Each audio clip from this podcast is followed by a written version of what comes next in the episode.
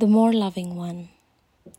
Looking up at the stars, I know quite well that for all they care, I can go to hell. But on earth, indifference is the least we have to dread from man or beast. How should we like it were stars to burn with a passion for us we could not return? If equal affection cannot be, let the more loving one be me. Admirer as I think I am of stars that do not give a damn, I cannot. Now I see them say, I missed one terribly all day.